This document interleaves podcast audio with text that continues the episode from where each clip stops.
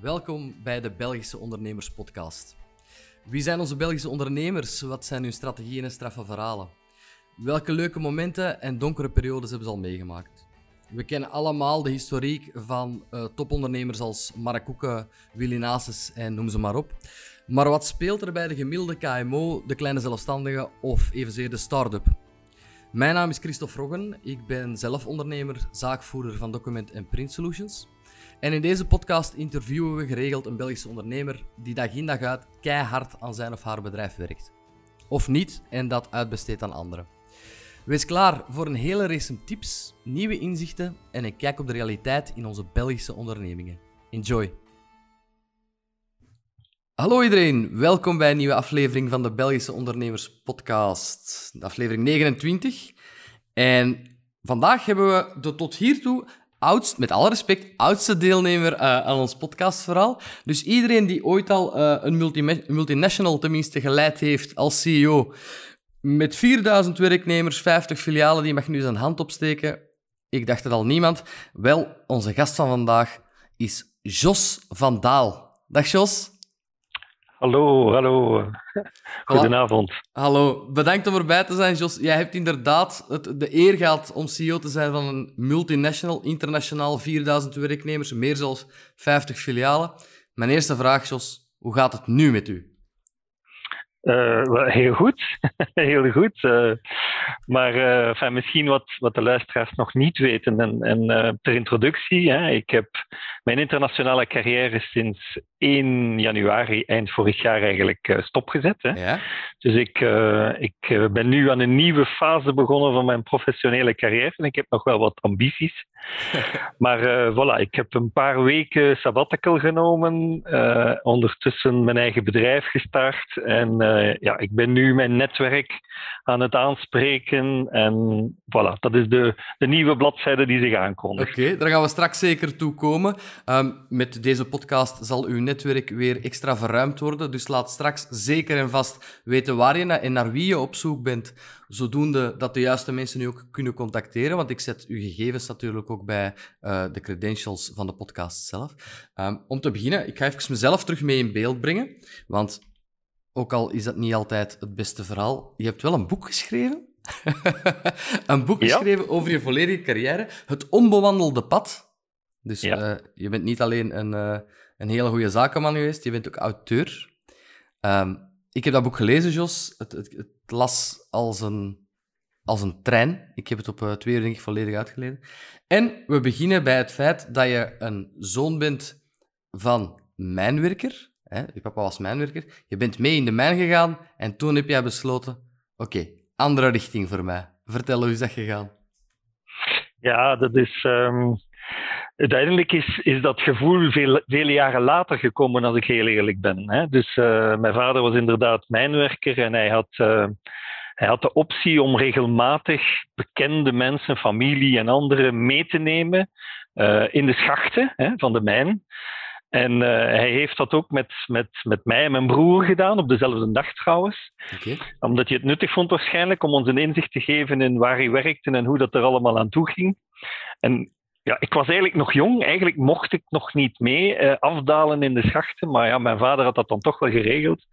Dus ik was 14 jaar en ik moet eerlijk zijn, ja, die dag uh, staat in mijn geheugen gegrift. Hè. Dat was best wel indrukwekkend.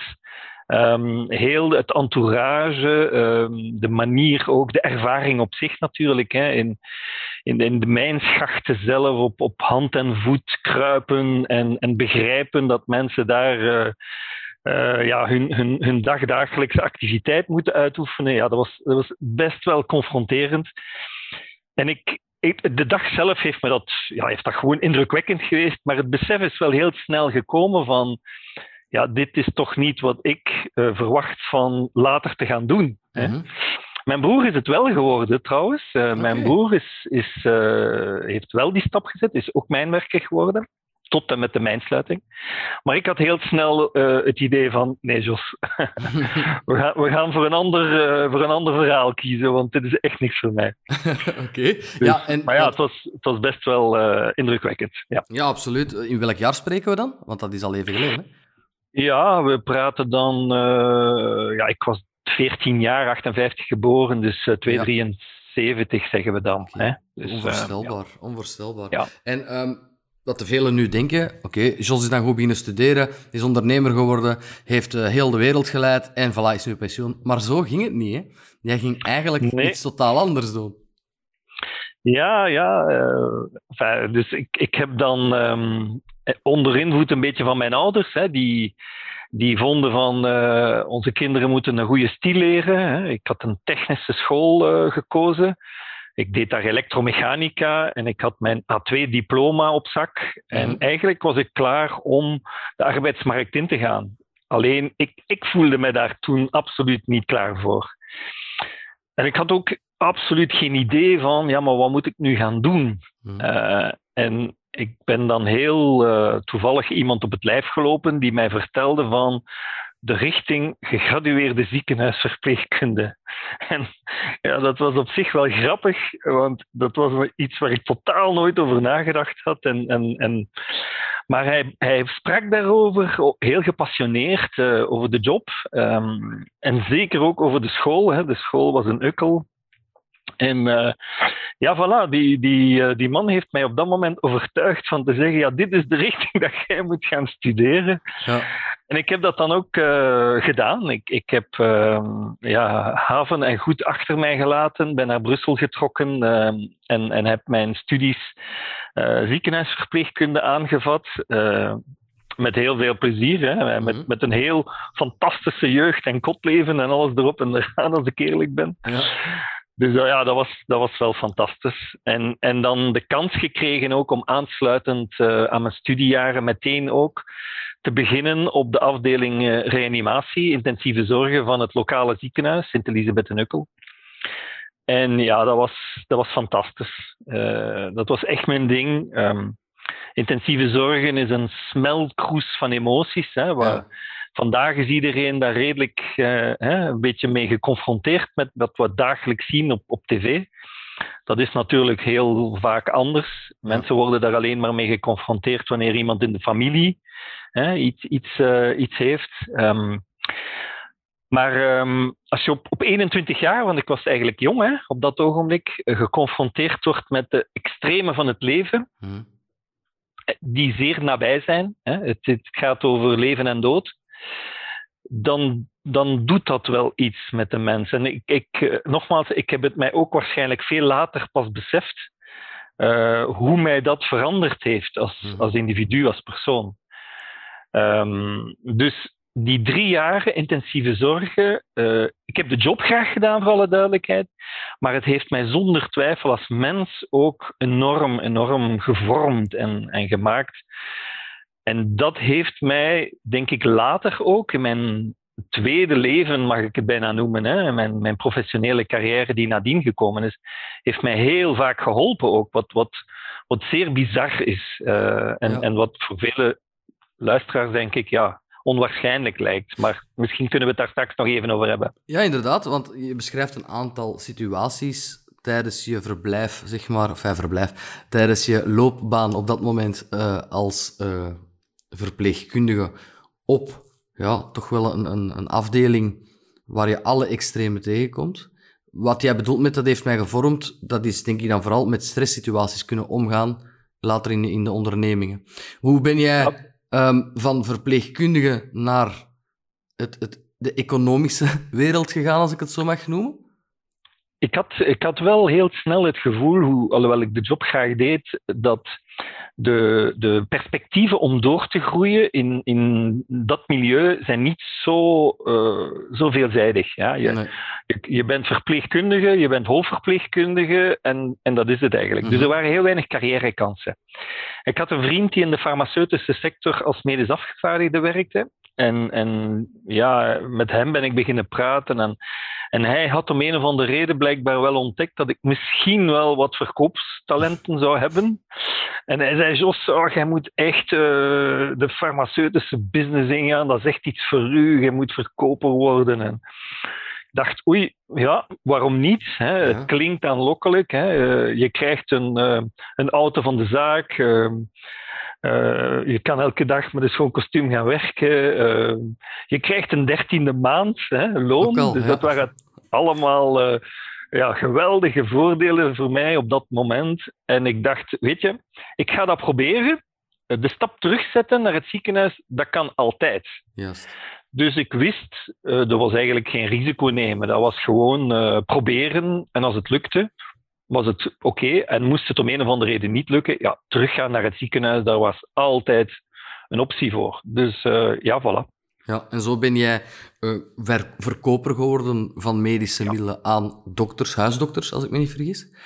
In eerste instantie waren dat huisartsen, ja. En dat is dan uh, in, in, tweede instantie is dat meer naar ziekenhuizen, cardiologen, radiologie geëvolueerd. Maar ja, als medisch okay. afgevaardigde. Ja, want wat mij doorheen het boek constant bijna frappant leek, is de, de intelligentie die jij moet bezitten en het, het geheugen dat jij moet bezitten om met al die situaties en al die termen om te kunnen gaan. Maar ook, jij studeerde bijna constant bij. Ik, ik zie dat jij je constant inschreef voor opleidingen en hoe, hoe ja, kan je alles nog onthouden op de duur? Want je leert zoveel op zoveel korte tijd bij, dat je volgens mij de helft vergeet. Of, of is dat nu Ja, wel. Um, ik, ik, moet voorzichtig zijn, want uh, in, in, alle bescheidenheid, maar ik, ik meen te mogen beschikken over een redelijk goed geheugen. Ja, dat zijn. is wel, uh, ja, ik, ik, ik, ik heb daar nooit niks bijzonders voor gedaan, maar ik denk wel dat ik dat. Uh, ik heb dat heel mijn.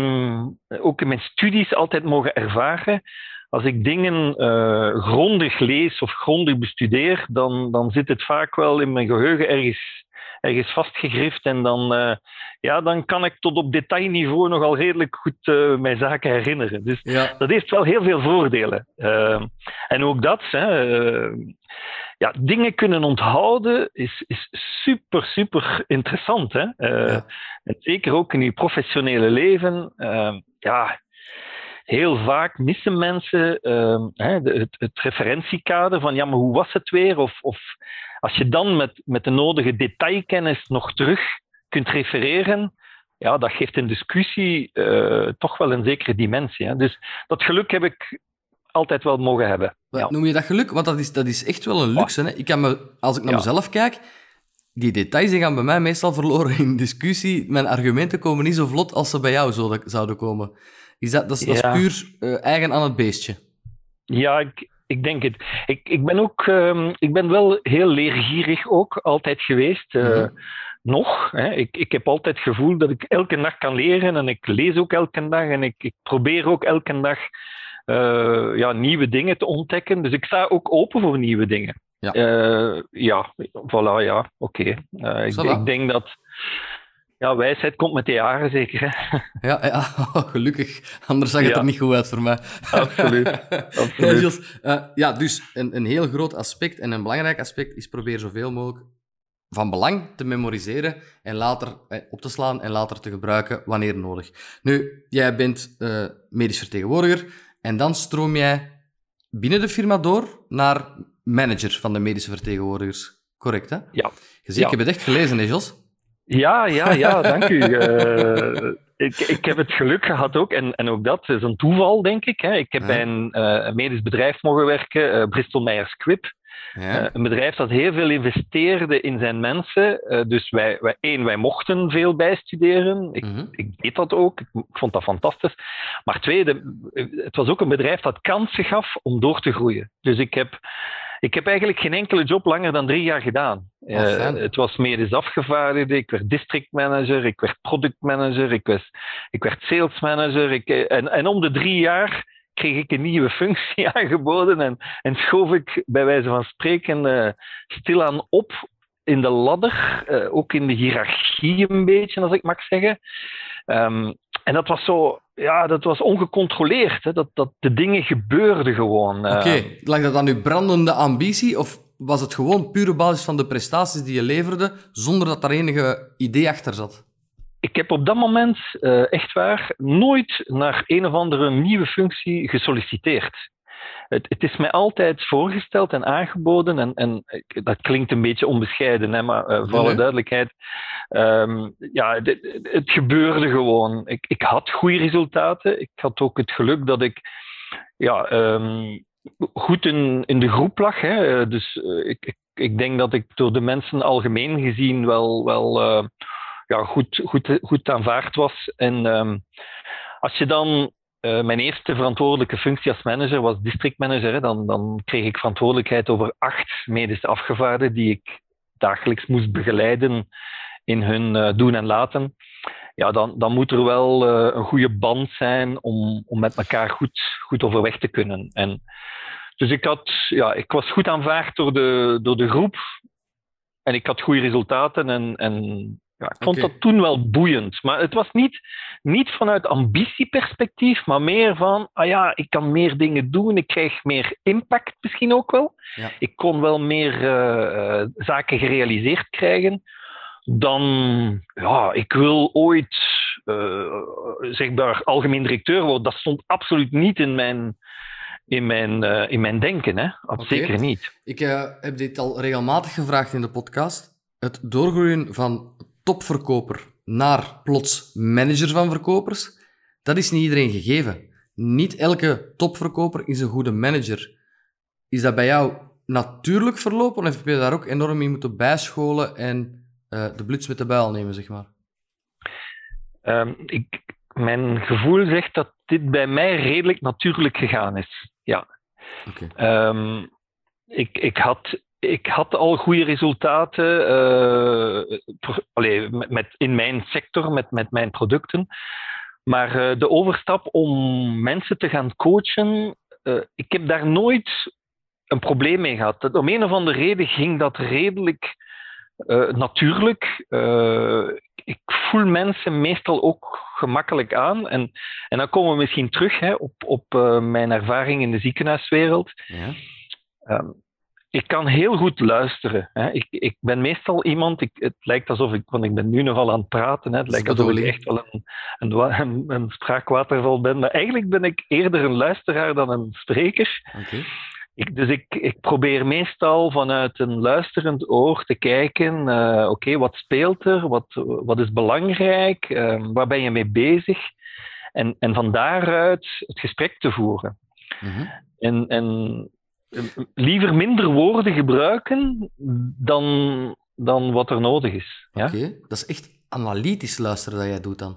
Ja. Want ik kan me inbeelden... Probeer... Ja, zeg maar, sorry. Ja, ik, ik, een van de zaken die mij zeker kenmerkt is, ik ben een echte, uh, als ik het zo mag noemen, een essentialist. Hè. Ik, ik ga de kern zoeken in ongeveer alles. Oké. Uh, ik probeer elke verloren energie te vermijden. Ik vind dat ook super belangrijk. Dat geeft enorm veel efficiëntie. Ja. Hè? Um, dus in alles wat ik doe, in alles wat ik zeg en in alles wat ik uh, probeer te realiseren, probeer ik naar de kern van de dingen te gaan. Dat heeft één groot nadeel. Uh, en dat is dat ik geen perfectionist ben. Ik ga de laatste 10% meestal laten liggen. Ja. Dus ik, ik pik dingen op en op het moment dat ik 90% van iets bereikt heb, dan is voor mij de inspanning voor de laatste 10% veel te groot in verhouding met de meerwaarde die ik kan realiseren. Wat hoor ik iemand dat eindelijk, eindelijk eens graag zeggen, zeg? Oeps. ja, recht naar het doel en, en het doel is bereikt. Dat moet niet perfect, perfect zijn. Op naar het volgende. Juist. Oh, Maar, er valt, er valt zoveel last van mijn schouders. ik begrijp ja, Ik, ik ben absoluut uh, hetzelfde mening toegedaan. Ik, ik vind die laatste, de perfectie nastreven, is, creëert vaak heel veel frustraties en heel veel, um, vraagt zoveel energie en brengt meestal niet meer die grote plus die, die je daar kunt van verwachten. Dus leg het opzij en gebruik je energie in iets nieuws en breng het weer tot 90%. En je gaat veel sneller vooruit gaan. Voilà, want wanneer als perfectionist, wanneer is het dan perfect? Nooit? Ja, nooit. Voilà, dus je blijft nooit, daarmee zitten. Ja, ja, nooit. Ja, absoluut. Voilà, prachtig. Goed gezegd, Jos. Ja. Uh, ja, dank u. maar ja, de kern, naar de kern, dat is niet makkelijk. Dat is soms uh, best zelfs vermoeiend om alle ruis ervan tussen te krijgen. Um, je bent dan op het moment dat je begint te managen, uh, weer doorgegroeid en dan heb je een andere stap gezet. Ja, ik heb, um, ik ben geheadhunt geworden. Hè. In de farmaceutische sector uh, gebeurt dat nogal. Uh, om een of andere reden was mij dat nog nooit overkomen. Uh, terwijl ik op zich wel goede relaties had in de sector. Tot dan die ene telefoon van een headhunter en die belde uh, en die zei: ah, We hebben hier een functie voor een Scandinavisch bedrijf, een wereldleider in contrastmiddelen. En we zijn op zoek naar een algemeen directeur voor België. Mm ja, ik, ik kon mijn oren bijna niet geloven uh, dat men mij daarvoor solliciteerde. Dus ik ging daar op, op in natuurlijk, op de uitnodiging. Uh, ik heb daar één gesprek gehad met die headhunter. Ik heb mezelf daar blijkbaar zeer goed kunnen verkopen. En uh, de volgende stap was het vliegtuig op naar Oslo. daar heb ik ook het gesprek met de, het topmanagement van, van een van dat bedrijf, uh, Hafslund noemde de firma, kunnen doen. En ik, ik vloog naar huis in het vliegtuig en ik, ik voelde van, ja, ik ga die job hebben. Mm -hmm. ik, ik, ik wist het gewoon. Ja, maar wacht, ja, ik... want nu doet het iets te gemakkelijk klinken. Je zit toch vol stress op dat moment? Ik weet niet nee, wat je dan bent. Nee? Nee? Ja, nee, nee echt niet. Okay. Echt niet. Ik, um, dat durf ik ook zeggen. En dat is opnieuw, uh, geloof ik, een, een, een van de leerpunten uit mijn uh, uh, periode op intensieve zorgen. Ik ben zeer stressgevoelig. Ja. Oké. Ik, ik ga heel. Ik kan eigenlijk bijna nooit echt in de stress geraken. Stressongevoelig dan? Ja, absoluut. Ja, okay. ja. Oh, dat moet heerlijk zijn. Ja. Ik, maar, um, laten we zo zeggen, ik kan het gecontroleerd doen. Dat wil niet zeggen dat er geen momenten zijn dat ik niet de stress voel, maar ik kan dat zeer goed controleren. En, en we hebben dat geleerd op intensieve zorgen, als ik heel eerlijk ben. Um, ja, het is duidelijk dat uh, als er een uh, incident zich voordoet, dat tijd een belangrijke factor is. Mm -hmm. Dus wij, wij waren als team en als ploeg getraind om ja, zeer snel te handelen, heel, heel, uh, heel helder te denken, mm-hmm. de stappen te doen die je moest doen om, om ja, levensbedreigende situaties aan te pakken. En dat heeft mij geholpen. Ik heb het moeten leren, maar het heeft mij geholpen later ook in mijn professionele carrière om met stresssituaties om te gaan. Ja, oké. Okay. En ja, dat, um, dat, dat, je kan het dan controleren. Je voelt dan wel de stress, maar je, je kanaliseert de stress op een moment dat je denkt van oké, okay, als iedereen in paniek schiet, dan ben ik wel degene die het, het hoofd uh, koel cool houdt. En dan gaan we heel helder nadenken en zeggen oké, okay, we gaan nu dit doen, we gaan nu dat doen en we gaan dan dat doen. Niet als een kip zonder Klaar. kop. Nee, absoluut niet. Heb je, absoluut. Is er een tip? Ik wou een tip vragen, maar misschien is dat er niet. Misschien is het gewoon door je opleiding. Was daar een tip om het hoofd cool en helder te houden? Ik, ik ga één tip meegeven die ik nooit zal vergeten. Uh, en dat is een, um, de, de, de manier waarop je um, een crisissituatie aanpakt wanneer je in een rampengebied komt. Ja? Dus okay. als je in een rampengebied komt en je ziet een slagveld van slachtoffers, dan moet je prioriteiten maken. Ja? En we hadden drie eenvoudige regels. En de eerste regel was: Laat de stervende sterven. Oké. Okay. De tweede regel was: diegenen die het hardst roepen, hebben de beste longen. Dus die, moet, dus die hebben niet direct hulp nodig. Ga naar de kreunende uh, uh, mensen en, en zorg dat je daar je ding doet. Ja?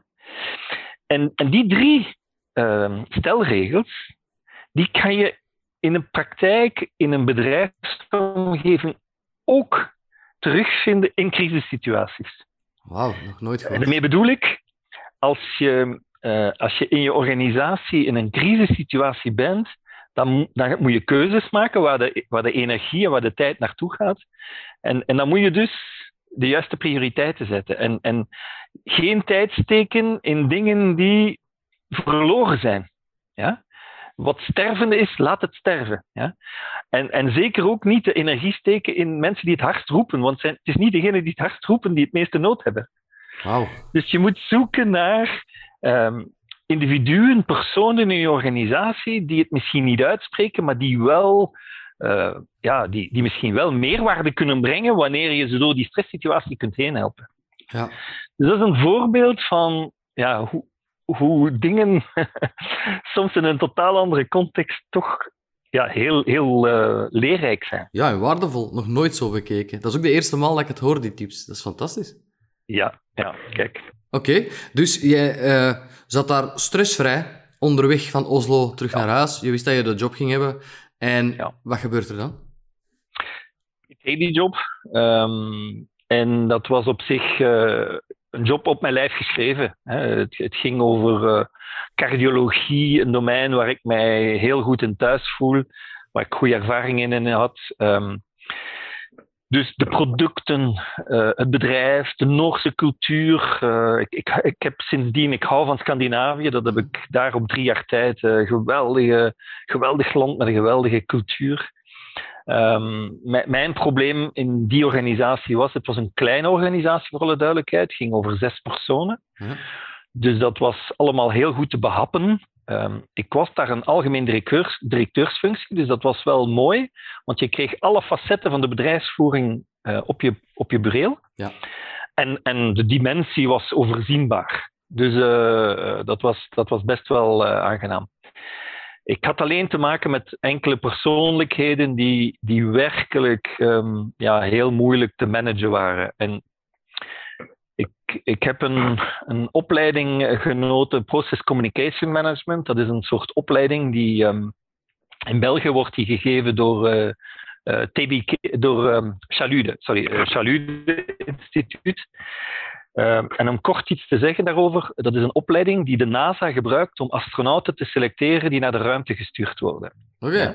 Ja. En, en, uh, dus dat is eigenlijk een opleiding die probeert mensen te identificeren die goed matchen met elkaar. Ja. Uh, en de cursus of de opleiding noemt Process Communication Management. Die opleiding die heb ik vrij vroeg mogen volgen. En die, die leert eigenlijk uh, hoe dat uh, persoonlijkheidsstructuren functioneren en communiceren. Ja. En hoe je er dan als manager eigenlijk moet mee omgaan. En die bagage die heb ik eigenlijk heel jong meegekregen. en, en ik heb dat altijd heel boeiend gevonden in, in de manier zoals je kan communiceren met anderen. Dus ik heb die, die, de trucken van de voor, als ik het dan nu zo mag noemen, uh, ook daar geprobeerd met de, met de individuen die daar rondliepen. En ik voelde me daar heel ongelukkig bij. Uh, dat, om een of andere reden was er geen match. Ja.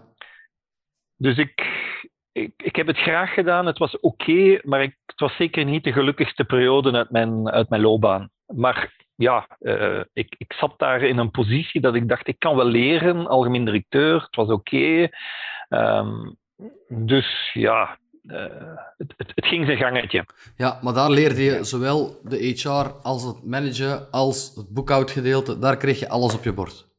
Voilà. Voilà. Dat je... was het mooie, voilà. uh, dat ik een heel klein bedrijf ja. kon, kon leiden.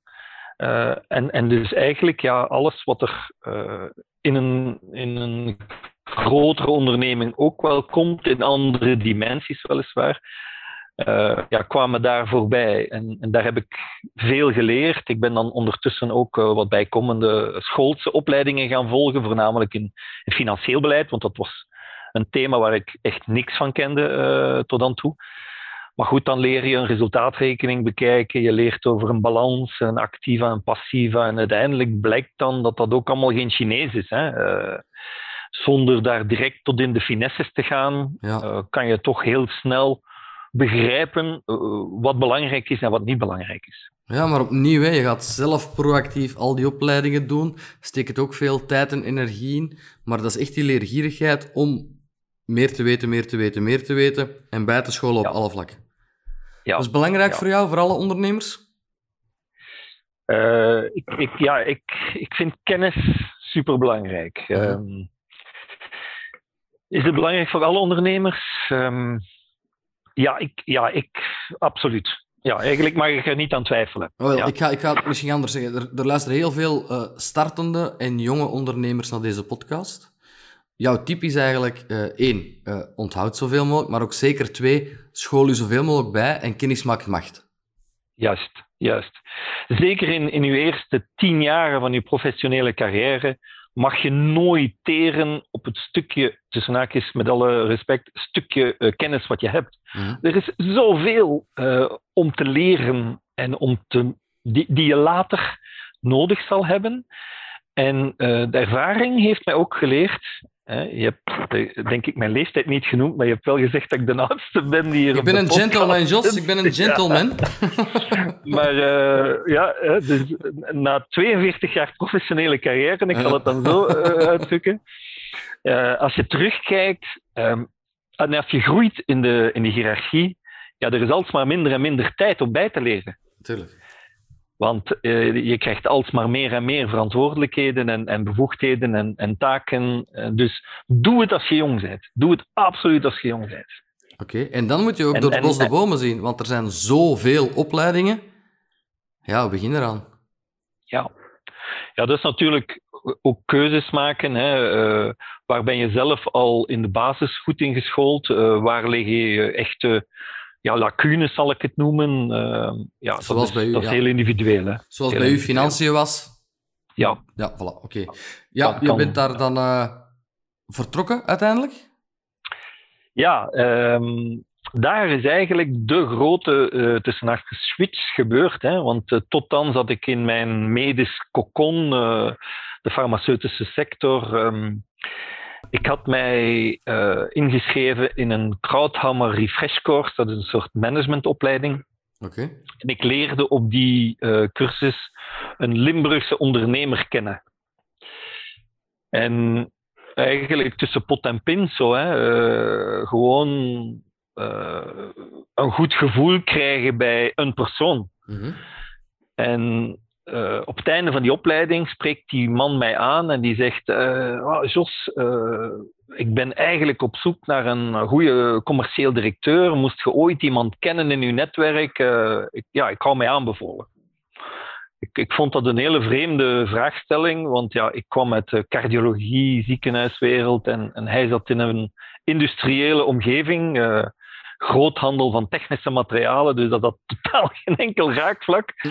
Dus ik, ik had meteen een gevoel van, oei, oei uh, waarom vraagt hij mij zoiets? Uh, en om een lang verhaal kort te maken, ik, uh, hij heeft mij dan twee dagen later teruggebeld met de vraag van, en Jos, heb, heb je eens nagedacht, kende niemand? ik zeg, ja, sorry, André noemde de man. Ik zeg, nee, ik ken echt niemand. Hij zegt, ja, maar Jos, zou jij dat niet willen doen? Ja, ik, ik, ik had zoiets van, wow, wat is dat hier? maar ik heb net geschetst dat mijn situatie bij mijn, mijn toenmalige werkgever niet optimaal was. Dus oh. ik, heb een, ik heb die uitnodiging aanvaard en gezegd: Kijk, André, ik wil, ik wil wel eens komen praten. Mm -hmm.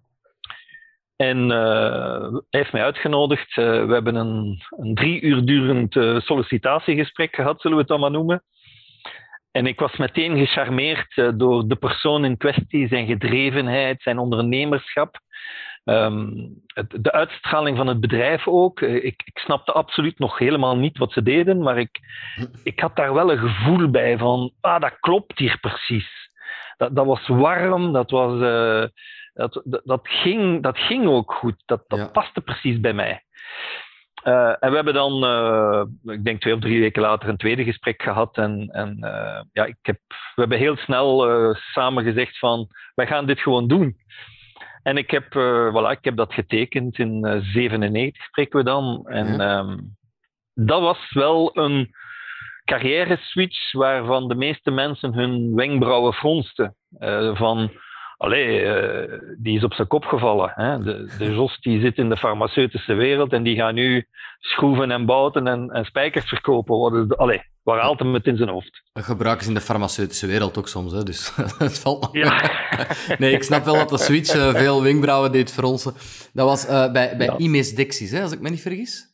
Juist, juist. En daar ja. ben je dan als commercieel directeur gestart, maar al snel naar gedelegeerd bestuurder doorgegroeid. Ja. Opnieuw. Uh, de eigenaar, uh, en dat was eigenlijk de motivatie waarom dit voor mij ook een boeiende stap was. Uh, we hadden de ambitie om zijn bedrijf te verkopen. Mhm. Um, en eigenlijk snel nadat ik aan boord was, zijn we samen op zoek gegaan naar een overnemer voor de firma. Die hebben we ook gevonden. Dat was een Franse groep geworden. En André heeft dan het bedrijf eigenlijk in twee stappen verkocht, 50% in 98 en de tweede aandelenpakket van 50% vier jaar later in 2003. Vijf jaar later, sorry, in 2003. Uh, en hij is dan uit de organisatie gestapt en ik heb dan in zijn voetsporen ja, de functie algemeen directeur gedelegeerd bestuurder mogen opnemen in 2004. Ja, dus plots sta je aan het hoofd van een, een bedrijf geleid door een Franse groep. Juist, was een nee. dochter. Hè? Ja, voilà, een dochter daarvan, ja. klopt. Ja. ja. En op dat moment nog nooit zoveel verantwoordelijkheden onder jou gehad? Of viel dat al bij al wel mee? Ik was eigenlijk, ja, dus ik had mijn kleine ervaring, uh, hè, dat de, de firma Nico met zes personen. Ik was eigenlijk vooral commercieel uh, bezig geweest. Ik kreeg daar toch uh, ja, plots de totale verantwoordelijkheid van een organisatie. En ja, dat heeft mij toch even doen stilstaan van wauw, wat overkomt mij hier? Ah, ja. uh, ik vond het geweldig, hè, voor alle duidelijkheid. Ik, ik, ik was ook echt wel gedreven van ja, ik ga hier iets van maken. Maar tezelfde tijd besefte ik wel van uh, wow, uh, ik, ik zet hier wel een stap die ik voor mezelf, bij wijze van spreken, nooit, nooit voor mogelijk had geacht. En mag ik zo eens vragen, dat is misschien onbeleefd, maar Hoeveel uren draai je dan op een dag? Ben je nog thuis dan? Ja, nee, niet veel. Hè. Ja. Niet veel. Um, ik heb altijd het geluk gehad dat ik een thuissituatie had waarbij mijn echtgenote mij 300% gesteund heeft. Ja. Dus dat, uh, dat, dat, kon wel, maar uh, dat zijn geen 9-to-5 jobs. Hè. Uh, Nee. de, de, enfin, de, de situatie was trouwens, uh, ik woon zelf in de Vlaamse Ardennen. Het bedrijf had hoofdzetel in Hasselt. Hm. Dus uh, uh, twee uur rijden, twee maal per dag. Hè. Dus dat waren best wel lange werkdagen. Is Lange wel werkdagen. Pittig. Ja. Oké. Maar het, het had ook voordelen. Uh, ik, ik, ik, vond, s ochtends vooral ook, anderhalf uur, twee uur in de auto zitten, was voor mij ook vaak een moment om tot rust te komen, na te denken van oké, okay, wat staat er op de agenda, waar zijn we mee bezig. Uh, dus voor mij was dat nooit verloren tijd. En s'avonds kon je al eens een telefoontje doen als je naar huis reed. Dus ja, de tijd toch nuttig invullen, bij wijze van spreken. Zo in de wagen, dat is uw me-time, hè? Ja, Ik heb dat Absoluut. ook heel hard. Ja. Absoluut.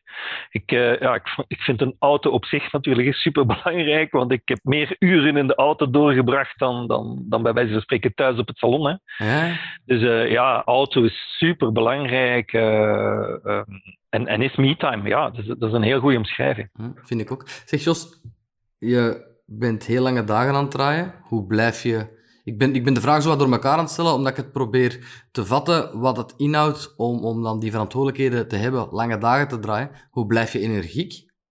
Hoe, hoe komt dat je niet constant een klop van de hamer kreeg?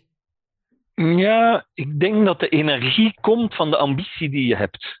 Oké. Eigenlijk uh, uh, leef je heel veel op adrenaline. Ja. Uh, je, je hebt voor jezelf een doel, je hebt een, een missie ja, hè, vaak heb je een, een duidelijk uh, project waar je aan werkt. En dat geeft vaak zoveel energie dat ja, je hebt bij wijze van spreken geen slaap meer nodig. Hè. Je, je bent zo gedreven in, in uh, oké, okay, we gaan dit doen, we gaan dat doen. En dus de weekends waren er dan wel om even uh, te, te, compenseren. Ja. Even in de zetel een, een tutje doen of whatever.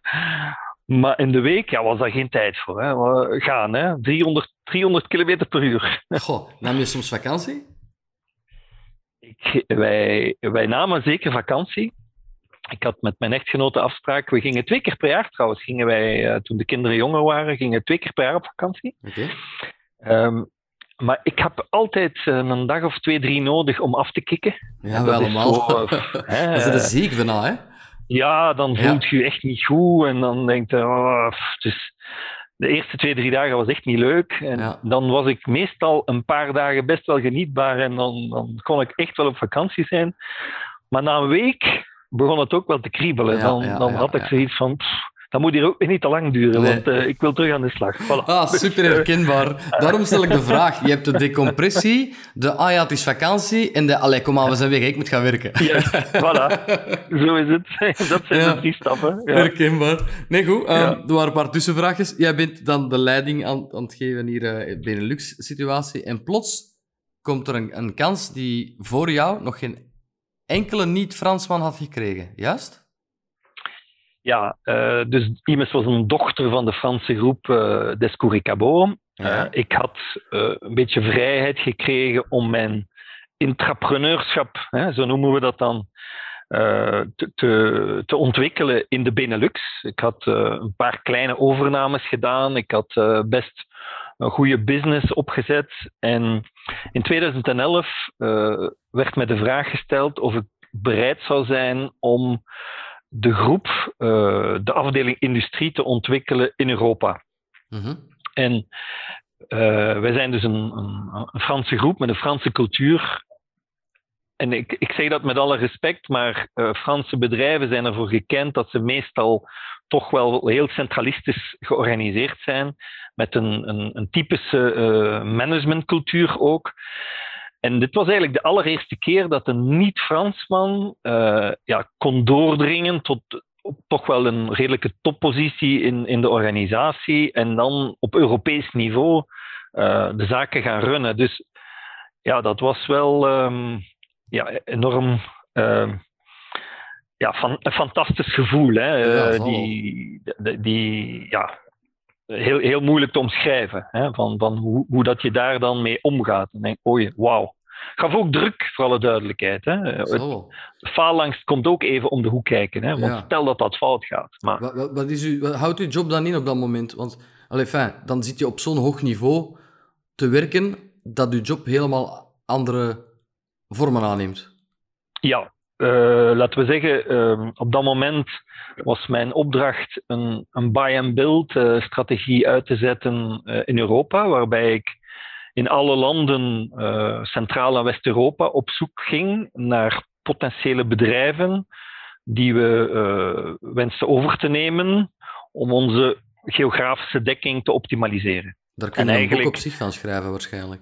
Ja, dus uh, ik, ja, ik heb natuurlijk, ik ga zeggen, honderden bedrijven bezocht. Uh, ik heb er in die uh, bijna tien jaar dat ik die job gedaan heb, 50 overgenomen. Dus wow. ik heb 50 bedrijven kunnen overnemen. Dat is, dat is een geweldige ervaring geweest. Er bestaan ook geen boeken over trouwens. Dat is ook zo. Dat is een van de dingen die je leert gaandeweg. hoe, hoe neem je een bedrijf over? Is er staan heel veel boeken het strafste dat je Er staan veel boeken over hoe je een bedrijf moet waarderen. Ja. Maar um, uiteindelijk is de waardering van een organisatie maar een, een heel klein facet in het totale proces. Ja. Want uh, het is een verkoopsproces, zoals voor elk ander product, bij wijze van spreken. De verkopende partij die zoekt een kopende partij voor wat hem het nauwst aan zijn hart ligt. En dat is dan zijn onderneming. Dus het heeft heel veel met emotie te maken. Het heeft heel veel te maken met, met uh, de juiste match vinden. En, en de juiste visie ontwikkelen over wat gaan wij doen na de uh, overname. Dan de prijs die betaald wordt. -huh.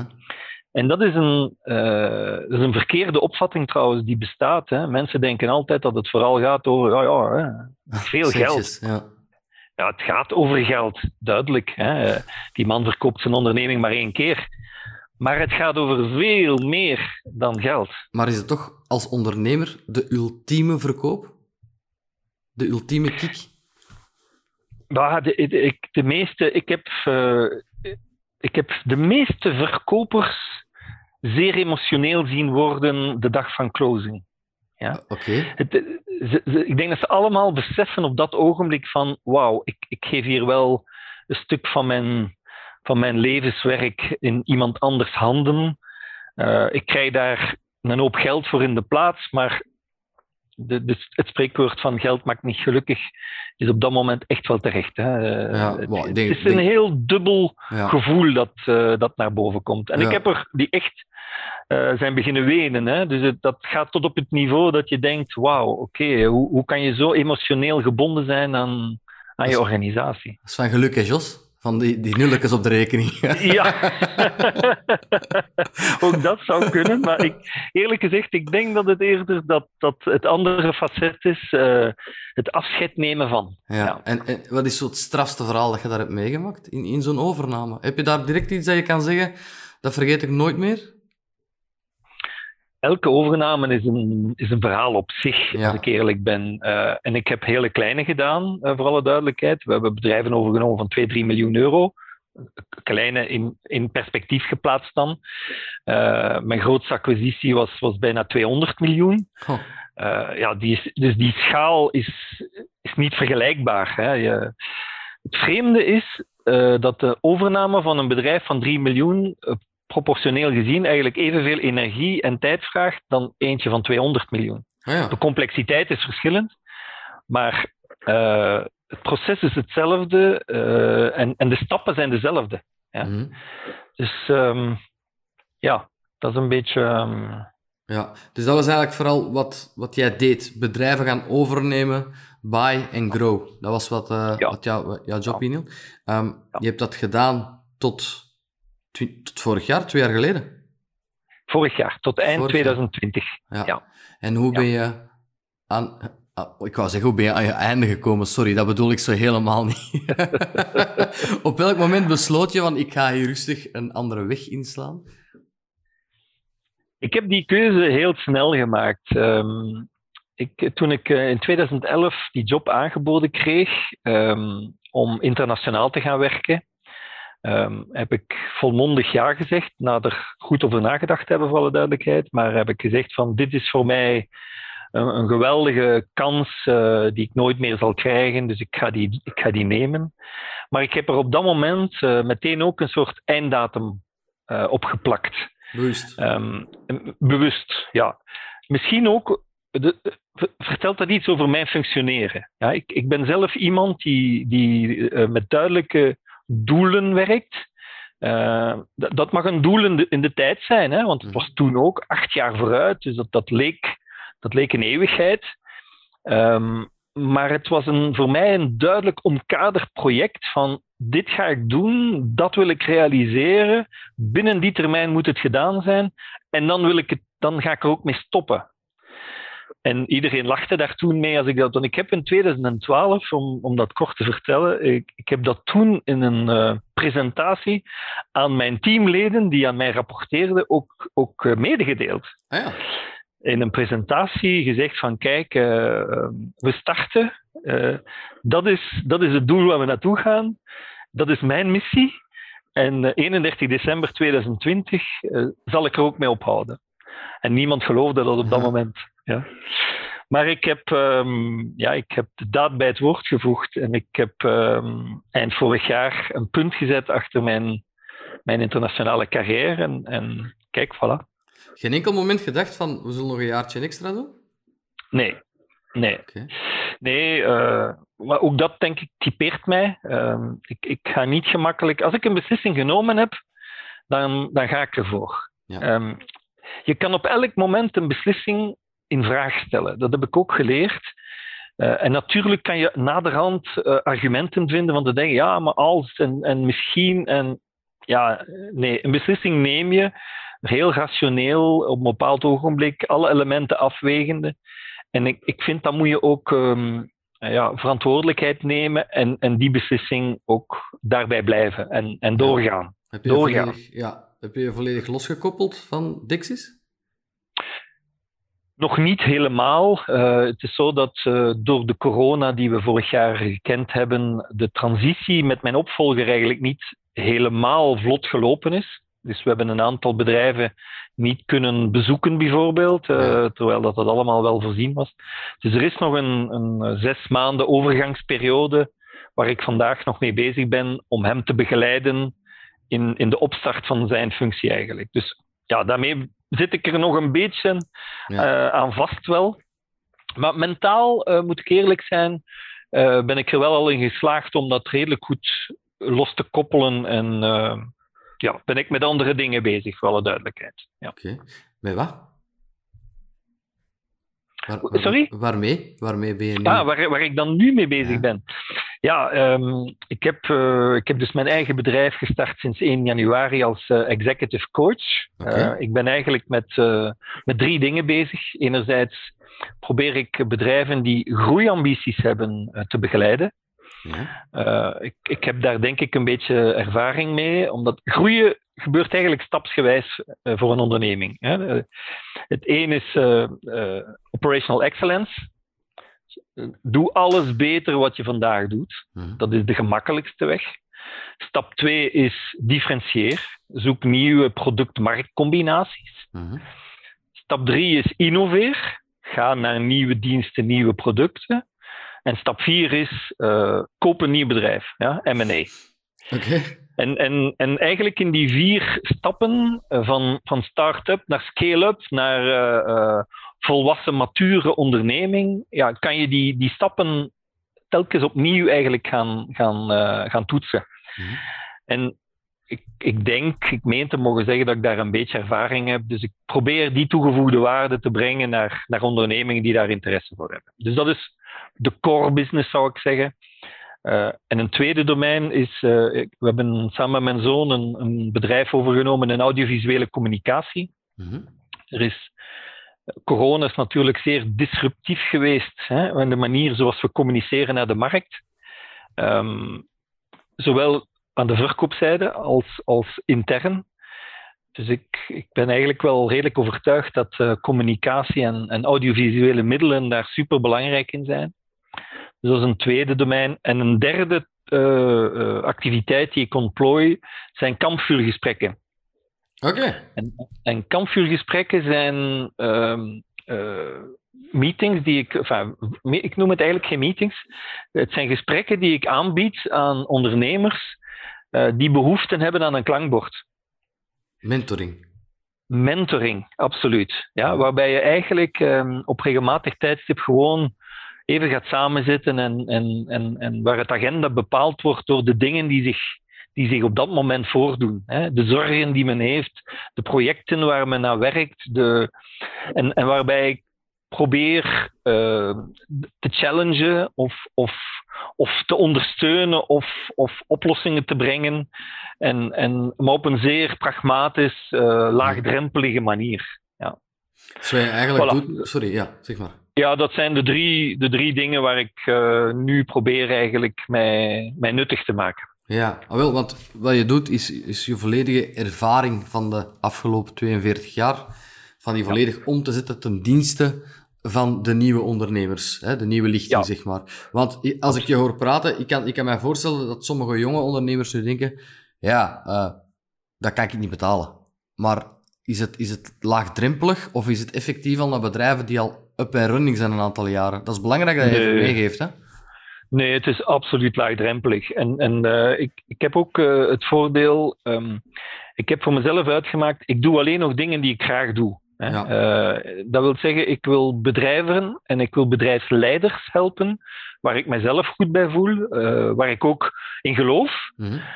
En, en, geld is dan voor mij niet meer de belangrijke drijfveer. Dus ja. dat, dat kan voor mij nooit de struikelsteen zijn om te komen tot een, een goede samenwerking. Dus ja de bedragen waar we over spreken is echt uh, van die aard dat ik denk, nee, dat, dat, dat kan nooit het probleem vormen. Oké. Okay. Ik vroeg het maar omdat je de, een bredere interessewaaier kan krijgen uh, ten opzichte van wanneer mensen denken dat je heel duur gaat zijn. Maar dat is niet het geval. Dus iedereen kan met jou contact nemen om eens te sparren en te kijken wat de mogelijkheden zijn. Ja, ja. Oh, ik, als, enfin, ik wil daar heel transparant. Ik, ik vraag daar 750 euro voor. Hè. Ah, voilà. Dus, uh, voilà. De prijslijst is al. nee, nee, ja, ik, uh, ik, ben daar heel, heel simpel in. Uh, dat, dat zijn zaken dat ik denk: nee, nee. Voor mij is het meer van. ik, ik wil proberen, en je hebt het zelf zo aangegeven. Um, ik wil mij nog een paar jaren actief en nuttig maken. En, en ik hoop dat ik op mijn pad jonge ondernemers tegenkom die, die misschien denken dat ik inderdaad van nut kan zijn. En ik zou het zonde vinden, moest dat dan struikelen over, over ja. geld. Ja, dat is, dat is absoluut geen thema voor mij. Over geld gesproken, ben jij, misschien heb je er nog niet aan gedacht, maar ben jij toevallig ook van plan om als je in gesprek bent met een aantal jonge ondernemers en je merkt van, goh, dat slaat wel heel nauw aan bij mijn interesses. Daar kan ik me helemaal in vinden om zelf ook nog te investeren. Of hou je die lijn volledig gescheiden van het mentoringship? Ja, nee, die lijn hou ik dan wel gescheiden. Ja. ik denk ook dat dat moeilijk is om. om uh, ik ben absoluut uh, niet rijk. Ik ben geen business angel, hè, voor alle duidelijkheid. Ja, okay. ik, ik, uh, ja, ik, ik hou het bij kennisoverdracht en, en coaching en mentoring en en that's it. Ja. Oké, okay. ik wou het maar fijn aflijnen zodat iedereen perfect weet waar het over gaat, Jos. Um, jouw ambitie ging ik vragen, maar die is nu heel duidelijk. Jij wilt je nog bezighouden met het opleiden en begeleiden van de nieuwe lichting ondernemers. Juist, juist. En... Ik ga tot, tot middelgroot. Hè. Ik, ik denk dat grote ondernemingen, die hebben mij niet nodig. Hè. dat, mhm. dat snap ik wel.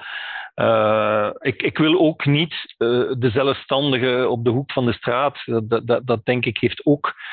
Maar ik, ik zie heel veel bedrijven, en ik, ik spreek een beetje uit ervaring, waarbij de focus heel vaak op het product ligt en veel te weinig over alle andere facetten die in de bedrijfsvoering belangrijk zijn om tot ontplooiing te kunnen komen. Je mhm. kan met een heel goed product toch niet succesvol zijn.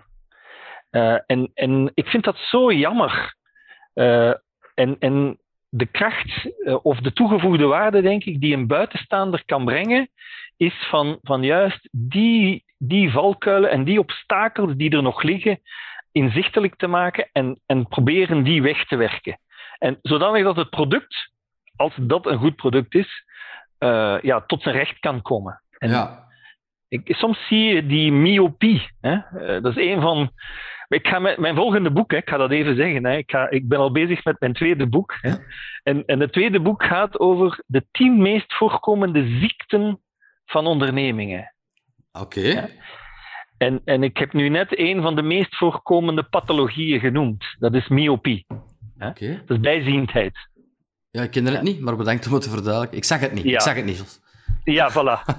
uh, heel veel bedrijven lijden aan bijziendheid. Okay. Ja. Ze, zijn, ze, ze, kijken veel te kort, veel te microscopisch naar de dingen. En, en wat superbelangrijk is in een onderneming, is dat je juist afstand neemt. Uitzoomen. Dat je de dingen in een perspectief neemt. Dat je langere termijn plannen hebt. Want als je geen langere termijn doelen hebt, dan, dan, uh, en door dan uh, korte termijn te denken, dan raak je van het padje af. Ja, oké. Okay. En dus ja, dat is een van de dingen die je zeker moet voorkomen als je start-up bent. Ja.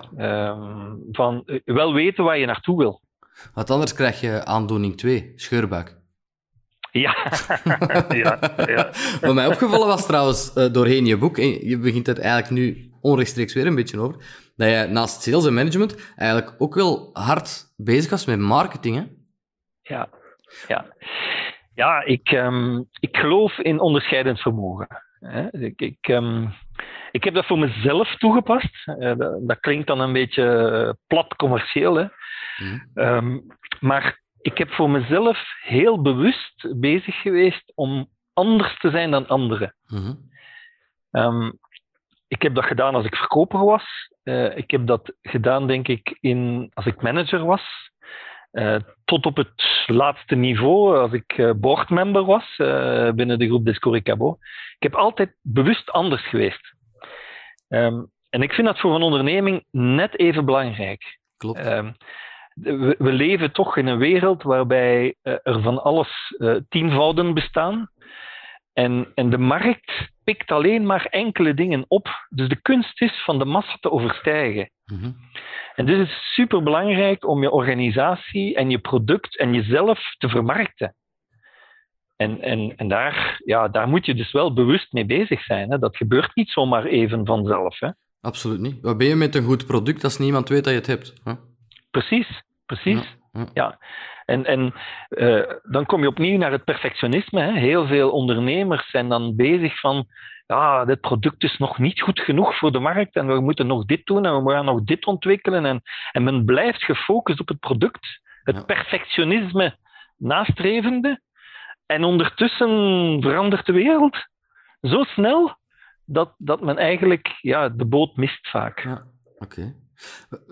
Wat ik meestal mee afsluit, is, is de vraag welke tip je aan jezelf geeft als je vandaag terug zou starten. En dat mag dan zijn terugstarten na de carrière verpleegkundige. Echt als ondernemer. Als je vandaag terug als ondernemer zou starten, wat is de tip dat je jezelf zou geven? Ja, de, de, de, eerste tip die ik mezelf zou geven is, ik zou zelf ondernemer worden. Oké. Ik, ik ben nu een intrapreneur Ja, geweest. Ja, ja. Ik heb, eh, ik heb eh, het voordeel en, en het geluk gehad dat ik eh, binnen de bedrijven waar ik voor gewerkt heb, altijd mijn ding heb kunnen doen en, en zaken heb kunnen ontwikkelen en, en best wel intrapreneurship aan de dag heb kunnen leggen. Maar het verwijt dat ik mezelf maak, eh, en waar nu de tijd eh, een beetje tegen mij speelt, is eh, als ik de klok kon terugdraaien, dan zou ik zonder twijfel de stap naar het ondernemerschap zetten en zelf iets in de markt zetten. Ik, ik ga het nu nog proberen, hè, maar dat zal dan sowieso, dat begrijp ik, eh, met bescheidener ambities zijn, hè, omdat de, horizon, de tijdshorizon wel beperkt is. Maar moest ik nu, dus ik, ik moedig iedereen die dertig is en die een goed plan heeft aan van doe het, doe het, eh, ga ervoor. Eh, de, de, de wereld is aan de durvers en, en ehm, ja, dat ondernemerschap, dat moeten we echt stimuleren. Ja. Dus dat is, ja, dat verwijt ik mezelf soms een beetje. Oké. Het is rond die leeftijd, hè, 30, 35, 40, dat dan mensen echt twijfelen. Hè. Zou ik de stap zetten of niet? Wat jij zegt is gewoon doen. Als dat niet lukt, hè, ga gewoon terug naar, naar het, het gewone werkleven. Dan heb je het tenminste geprobeerd. Oké. Juist. En Juist. wat zou jij Ja. de... Sorry, zeg maar.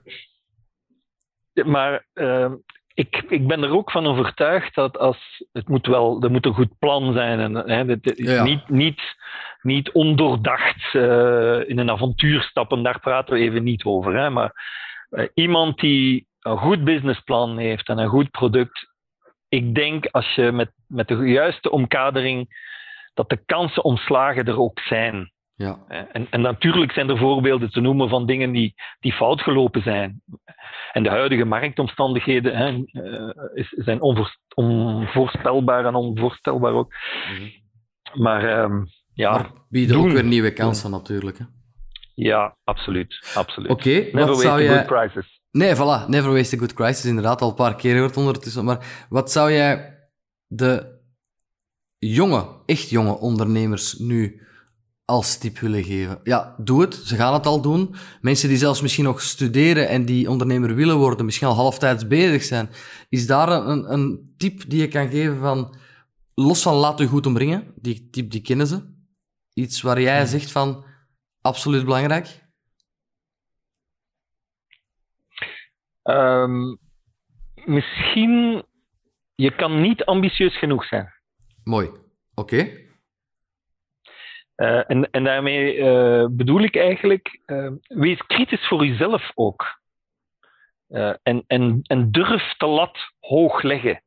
Ook voor jezelf. Ja, dat, als je in die positie stapt als ondernemer, dan moet je ook veel eisend voor je eigen zijn. Je moet veel eisend voor je onderneming en voor je mensen zijn, maar je moet het zeker ook voor jezelf zijn. Ja? Dus je kan niet ambitieus genoeg zijn. En het is niet erg dat je dan misschien ergens net onder land. Hè? Dat, dat is geen probleem. Je gaat veel, veel verder geraakt zijn dan als je eh, een, een half ambitieus plan hebt, waar je dan eh, ja, met, met de vingers in de neus eh, de zaken kunt realiseren. Want dat, dat geeft dan eigenlijk niet, geen voldoening. Geeft geen uitdaging niet meer, ook niet. Heeft geen, nee. nee. Oké. Jos, dankjewel om jouw kennis en ervaring even tentoon te spreiden eh, in deze podcast. Ik kom heel direct bij jou terug. Ik ga even afscheid nemen van eh, kijker en luisteraar. Zo, eh, ja, luisteraars. Dank u. Zo, luisteraars niet, maar voor de kijker, luisteraars, jullie moeten aan luisteren. Hier is het boek Het onbewandelde pad van Jos van Daal. Een, strate- een strategie tenminste voor inspirerend leiderschap. Dat hebben jullie ongetwijfeld wel gehoord. Ik dank jullie allemaal om te kijken en te luisteren. Het leuke aan deze afsluiter is dat Jos besloten heeft om drie boeken weg te geven. Dus uh, the usual, dezelfde wedstrijd als altijd. Op Instagram zal een foto komen van deze podcast met Jos en mezelf. Uh, als je daaronder antwoordt met het woord topboek, dan uh, maak je kans om die boek te winnen. Ik zal op de nodige social media zoals LinkedIn, Facebook, Instagram. Uh, het is LinkedIn. Ik zeg elke week LinkedIn. Het is LinkedIn. Sorry, bedankt voor uw kritiek ook. Het is LinkedIn. Uh, ik zal het overal opzetten, zodat je het boek kan winnen en lezen. Het is een echte aanrader. Mochten jullie uh, kritiek, zoals ik zei, LinkedIn, LinkedIn, hebben of ideeën, tips, info at Belgische koppeltekenondernemers.be. En graag tot een volgende keer. Voilà, Jos, ik dank jou, jou heel hard. Ik ben alles doorheen aan het zeggen. Mijn, mijn hoofd zit nog vol met jouw tips. En met, met het, uh, ik ben hier al aan, aan het brainstormen met mezelf over wat ik kan gebruiken uit jouw podcast. Ik hoop de luisteraar en de kijker ook. Maar vooral wil ik jou heel hard bedanken. En wil ik zeggen, we zien nu toch in elkaar ogen via Zoom, dat ik heel veel respect heb voor uh, de carrière die je hebt, hebt uh, meegemaakt. En de groei die jij op al die jaren hebt verwezenlijkt. Dus dank Absoluut. je wel. Dank je daarvoor. Nee, dank u dank dat je erbij was in deze, in deze podcast. Ik hoop dat je het zelf een beetje leuk vond ook. Super, super, okay. absoluut. Heel spontaan, heel relaxed. Leuk. Voilà. Dankjewel, Jos. En aan iedereen tot een volgende keer.